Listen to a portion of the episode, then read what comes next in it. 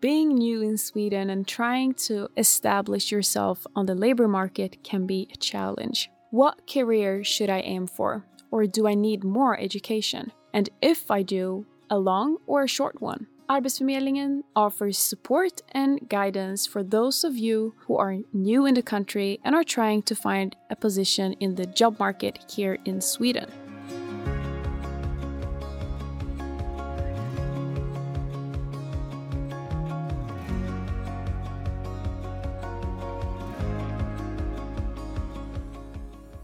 Welcome to the New in Sweden podcast a podcast where we give tips and advice on job hunting and finding employment here in Sweden.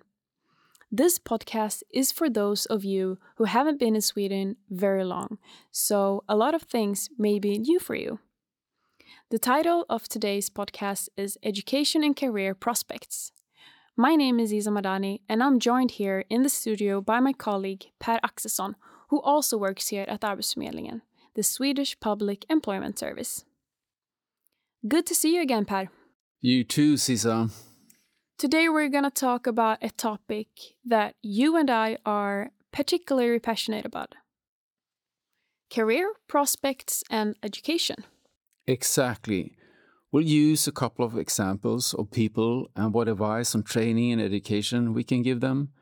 And we'll get to listen to tip from an expert, not only once, but twice. That's right and we will get to her in a moment. But first of all, why is education so important? Here's the thing almost every job in Sweden requires some form of formal training or education and paperwork to back it up. Without that, it will be much more difficult to find a job. Okay, let's bring up the two examples we talked about to make it a little clearer to illustrate your point. Yep. Let's have a look. Okay, so our first example is George. He's 38 years old and he has not attended upper secondary school. He hasn't been through gymnasium, as it's called in Sweden, so he doesn't have a high school diploma. But he has worked in different professions in his home country. He has done construction work and he has worked in restaurants. George is thinking about getting a high school level vocational training, but he's not sure what to train for. I understand. So, what tips would you give George? There are a lot of shorter education programs that can get you into jobs with good career prospects. For example, you can train as an assistant nurse in one year and start working in healthcare. It's an important profession and it looks like it will be in demand for many years to come. Assistant nurse. That's a job that makes a difference, isn't it? Excellent. Any more tips for George about jobs he could train for? Something that wouldn't take too long. Sure. If George doesn't want to work in healthcare, I would suggest something else chef, carpenter, painter, plumber, or truck driver. These are all jobs that are in demand in Sweden, so they should all have a bright future. And there are many other professions to work where it's relatively easy to get a job in. We have plenty of information on our website, arbetsförmedlingen.se. Great. So, a lot of possibilities for George then. Our second example is Halima. She is 27 years old and has completed upper secondary education, that is, high school, and worked as a teacher in her home country. She wants to secure her future and is aiming for a university education. If she is prepared to take on studies at college or university, there are good opportunities for a good career and higher salary.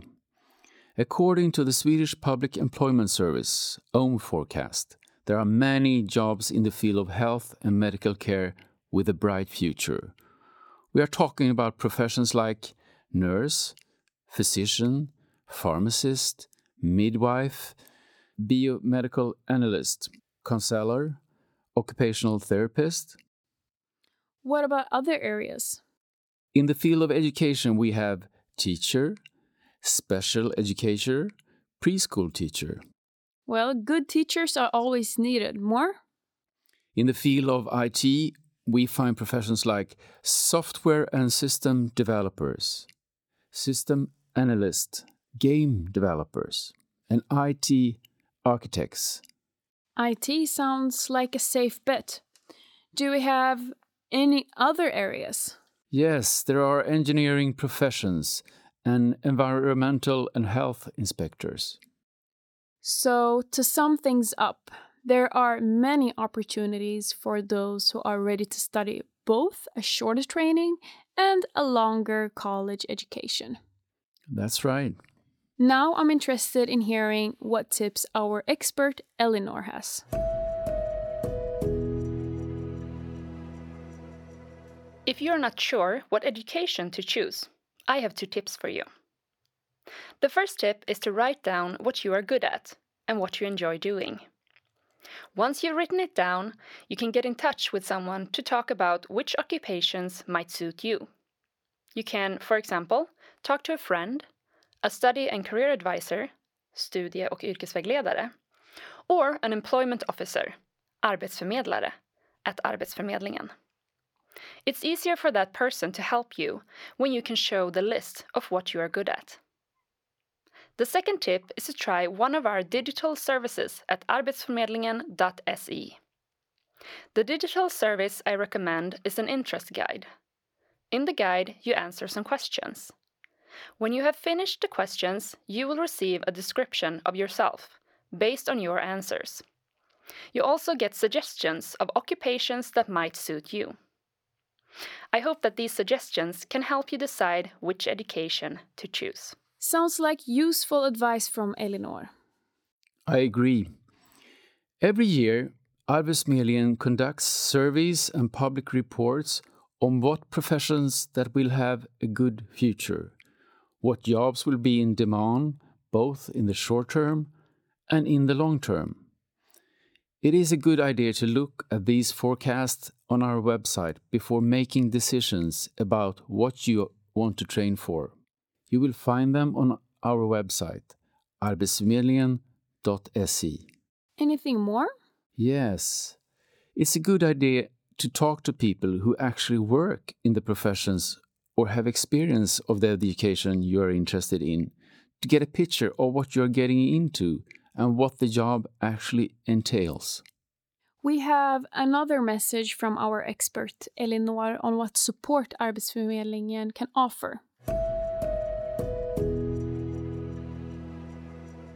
It is smart to learn more about a profession before deciding on what to study. If you have an occupation that you think might suit you, you can collect more information from digital services at arbetsförmedlingen.se. If you use the Swedish version of arbetsförmedlingen.se, then click on the heading Yrke och framtid. Then choose Hitta yrken. Hitta yrken has information about occupations and professions, including tasks, salary, and educational requirements. For many occupations, you can also watch a film where a person talks about what it's like to work within that occupation. Another digital service that can help you is Hitta yrkesprognoser. Hitta yrkesprognoser has information about the future forecast for about 200 occupations and professions. There you will find out whether it will be easy or difficult to find a job within the occupation in the future.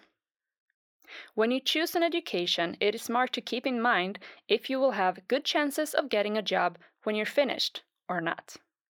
It's time for us to wrap things up, Per. Anything more you want to add before we do? Yes, listen with both your heart and your brain. How do you mean? Well, the heart wants you to work with something you are really passionate about, while the brain says that you have to think about your chances of finding a job after your training or education. You need to find a balance. Get an education in a field you actually want to work in and where you can find a job with good prospects, a job that will be in demand for a while so that you can have a job in the future as well. Those will be the final words. Thank you, Per, and thank you, Eleanor, for all the tips, and thank you for listening. We will be back in a couple of weeks. Take care until then.